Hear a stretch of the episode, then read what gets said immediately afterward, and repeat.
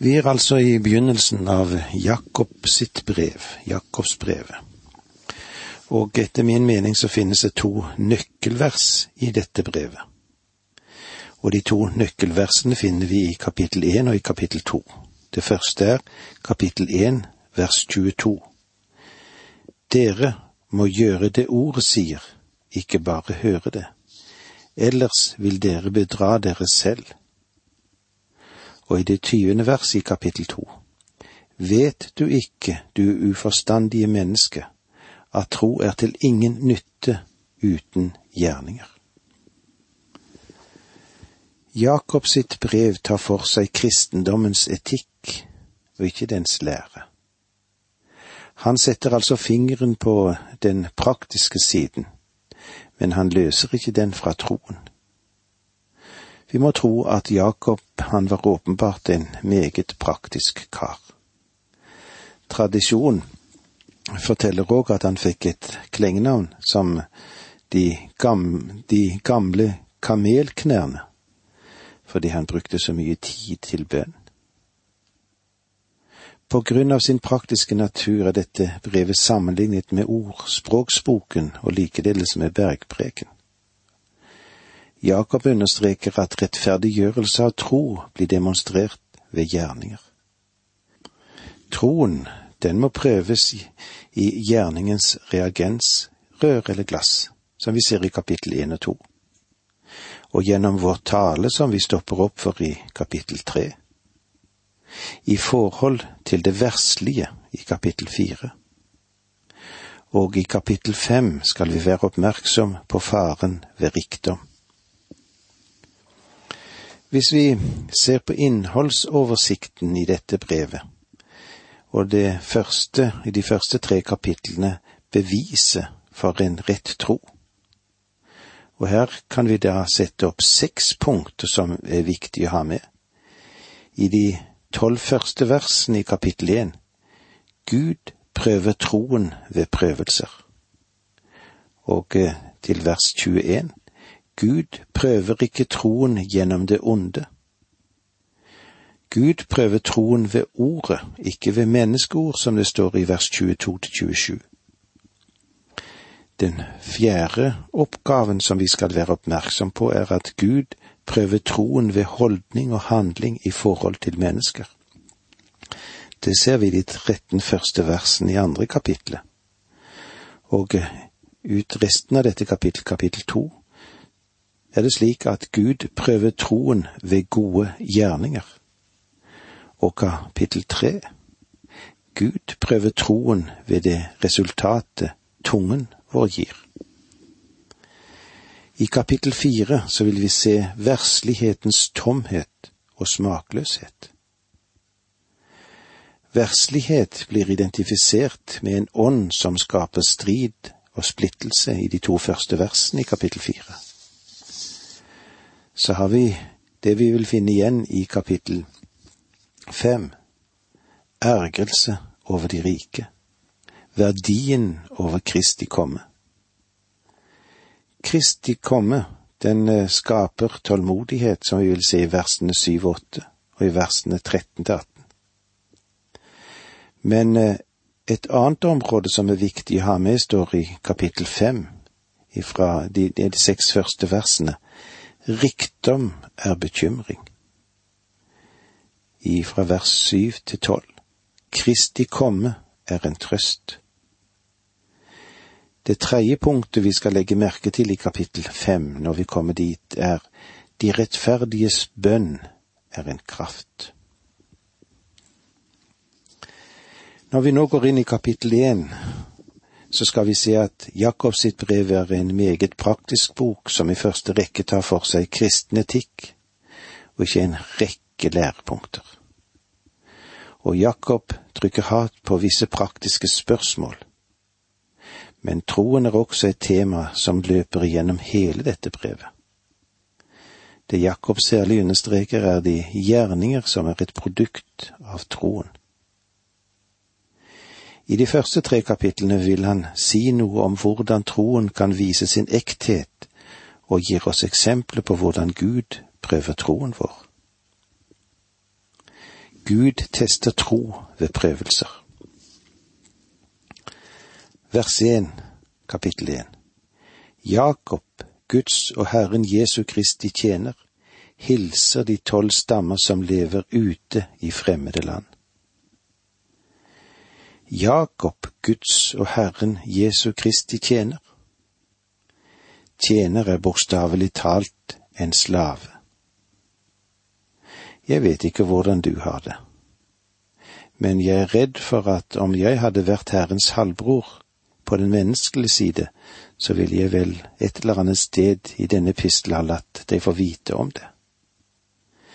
Jeg ville ha forsøkt å formulere det både fromt og ydmykt, men jeg ville nok antagelig ha falt for fristelsen da jeg får vite hvilken sammenheng jeg sto i. Men Jakob faller ikke for den fristelsen. I stedet kaller han seg selv som en Guds og Jesu Kristi slave. Til å begynne med trodde ikke Jesu brødre at han var Guds sønn. De hadde jo vokst opp sammen med ham, og de hadde lekt sammen med ham. De hadde jo sett han vokse opp. De la nok merke til han var annerledes, men de trodde ikke at han var verdens frelser. Den Herre Jesus var så menneskelig da han var her på jorden at selv hans brødre trodde ikke til å begynne med at han hadde noe annet i seg eller ved seg. Av og til er det vel kanskje slik at det vanskeligste i familien å overbevise eller vise hvordan han skal engasjere seg i dette som har med budskap å gjøre. Og der burde vi kanskje fått den største hjelp, men hvordan var det?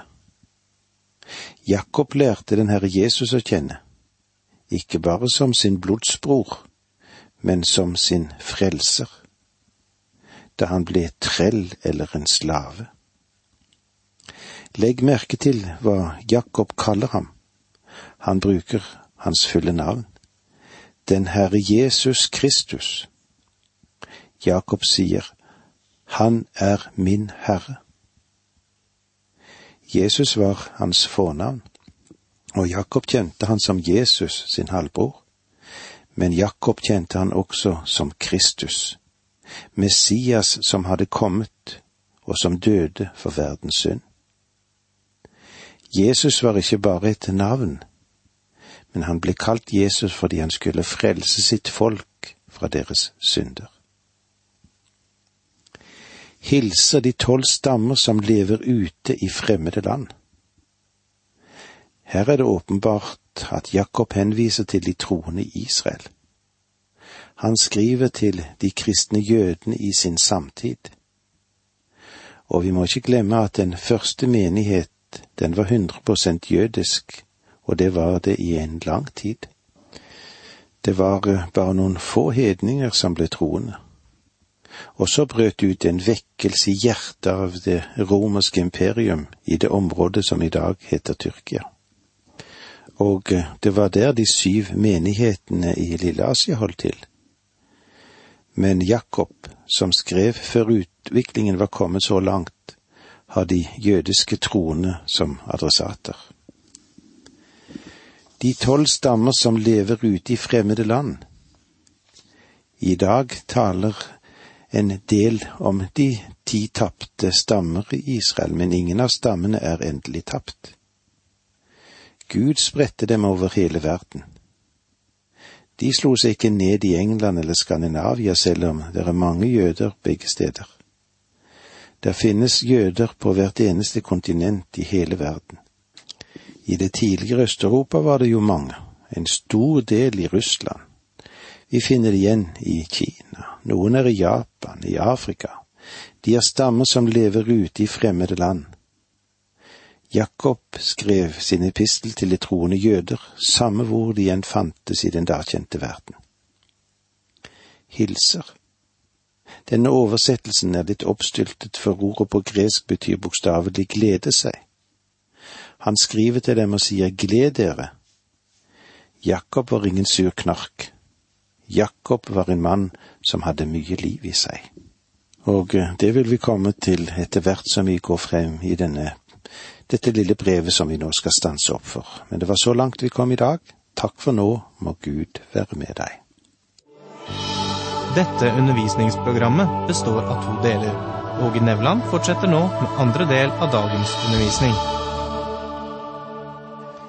Vi er i Jakobs brev i det første kapittelet, og i vers 1 der leser vi Jakob, Guds og Herren Jesu Kristi tjener hilser de tolv stammer som lever ute i fremmede land. Gud vil altså teste både tro og gjerninger, og det skjer ved prøvelser. Er det slik? Det som er viktig for oss, er å være fast i troen. Brevet er rettet til de jødiske kristne. Jakob kunne ha brukt betegnelsen som Jesu bror, men han foretrakk en mer beskjeden betegnelse. Herren Jesu Kristi tjener. Kongens tjenere, hvem er de? Jo, de er adelsmenn. Det var vanskelige tider med mange prøvelser. Hver eneste troende måtte regne med et personlig tap. Ja, de måtte regne med lidelser, og kanskje død når de avla vitnesbyrd om Jesus og hans frelsende kraft. Men det Jakob gjør, er han oppmuntrer disse forfulgte sjeler med de velsignelser som ventet dem hvis de var tålmodige. Det stilles tre viktige krav til oss alle sammen. Visdom til å handle og tale klokt i prøvelsens stund. Tro som nekter å gi etter for tvilens bølger. Ydmykhet og tilfredshet overfor det Gud gjør og gir. Når eh, Jakob taler om å glede seg under uvanlige omstendigheter, slik som vi leser i det andre verset her i Jakob igjen. Mine brødre, se det bare som en glede når dere møter alle slags prøvelser. Alle slags prøvelser. Ja, det betyr forskjellige motganger, og det kan også bety fristelser. Med andre ord, når du har problemer, så må du ikke begynne å gråte som om det har hendt deg noe forferdelig. Du skal glede deg, og regn det som en glede at Gud prøver deg i dag. Spørsmålet stilles ofte om den kristne kan eller skal oppleve glede midt i alle de prøvelser og spenninger som livet gir. Mitt svar, det er ganske enkelt nei. Det er ikke det Jakob sier her. Det er ikke realistisk å si at du er forsonet med Guds vilje når vanskelighetene møter deg, når du egentlig ikke er forsonet med ham.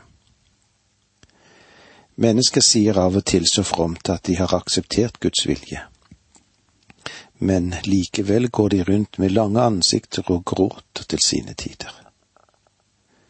Du er ikke forsonet med Guds vilje før du kan glede deg. Jakob fortsetter med å gjøre det klart at Gud gir oss ikke prøvelse for prøvelsens skyld.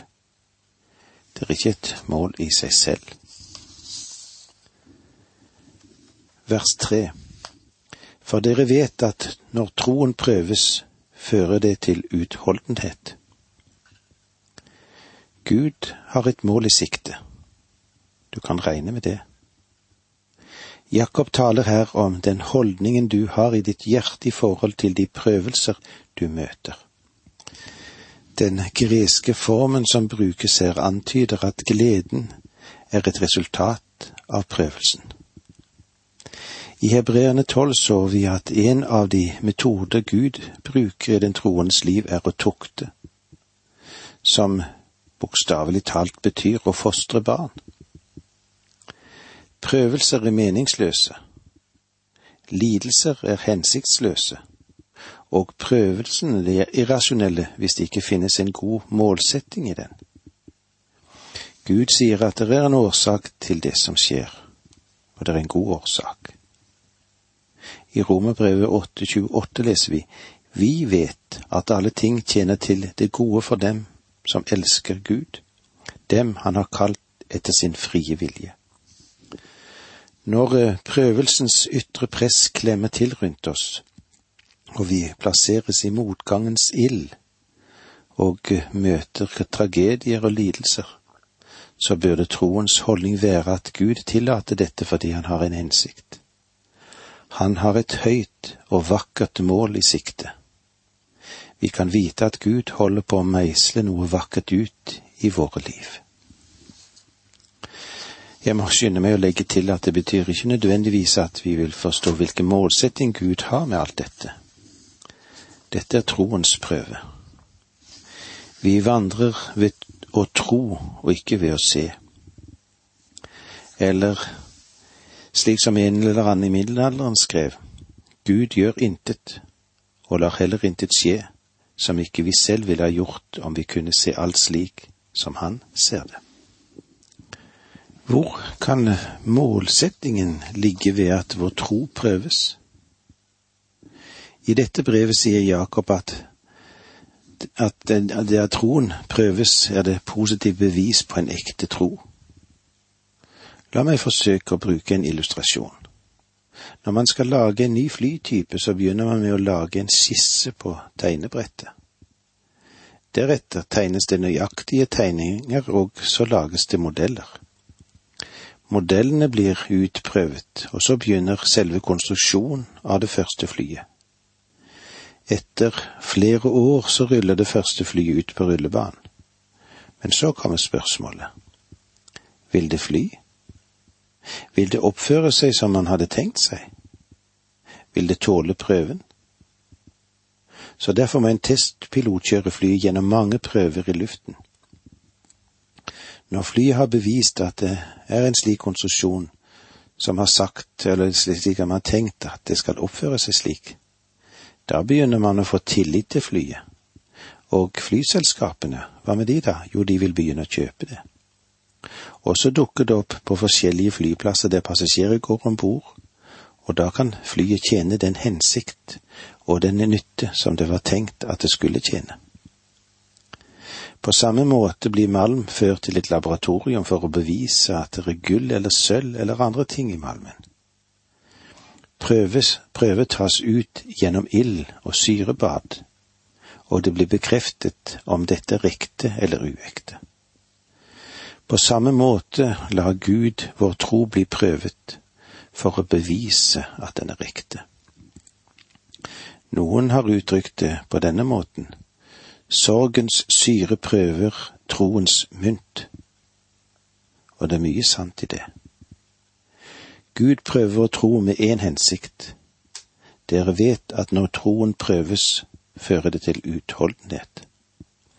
Han prøver oss, for han kan skape tålmodighet, utholdenhet, i vårt liv. Det er den tro som betjener Jesu navn som kommer i prøvelse eller i fristelse, slik Jesus foresa. Han sa det jo salig er dere når de spotter og forfølger dere og lyver på dere. Disse fristelser er mangeartet. Fristelse fra Satan går ut på å holde bekjennelsen av Jesu navn tilbake. Det har du vel opplevd? hvordan Satan kommer til og frister oss med å holde Jesu navn tilbake. For de jødene som var kommet til tro på Jesus Kristus, kostet det ganske mye å bekjenne seg til troen på denne Jesus som var Messias, han som var Guds sønn. Men eh, som Guds barn så skal de legge merke til denne omkostningen. De skal bedømme. De skal beregne, nemlig etter menneskelig regnemåte, for da blir det bare tap og sorg å bekjenne troen. Men de skal tvert imot passe på slike fristelser for bare glede, for det er nemlig det som stadfester at de har barnekår hos Jesus. Denne formaningen til å vurdere lidelsens situasjon med bare glede knytter så Jakob til en visshet hos de troende.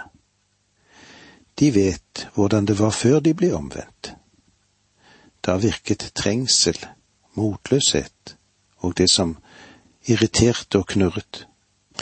Etter hvert som de har fått innblikk i hva troen har betydning og fått åndelig sans for de evige, evige verdier, vet de at denne tro må bli prøvet i forhold til de jordiske ting som vi har for Gud godkjenner ingen som rettferdig uten at han først har prøvet ham, men han prøver bare gjennom trengselens ild.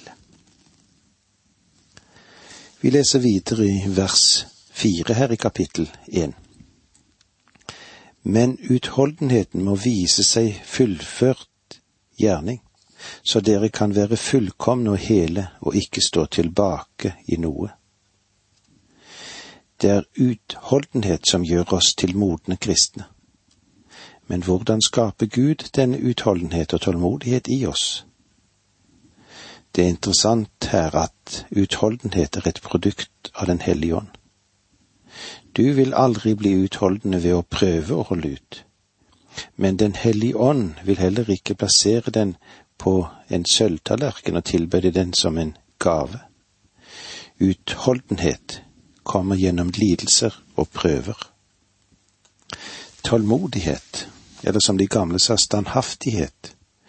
Utholdenhet er den velsignelse i troen som har et himmelsinn som er uttrykt på jordisk vis.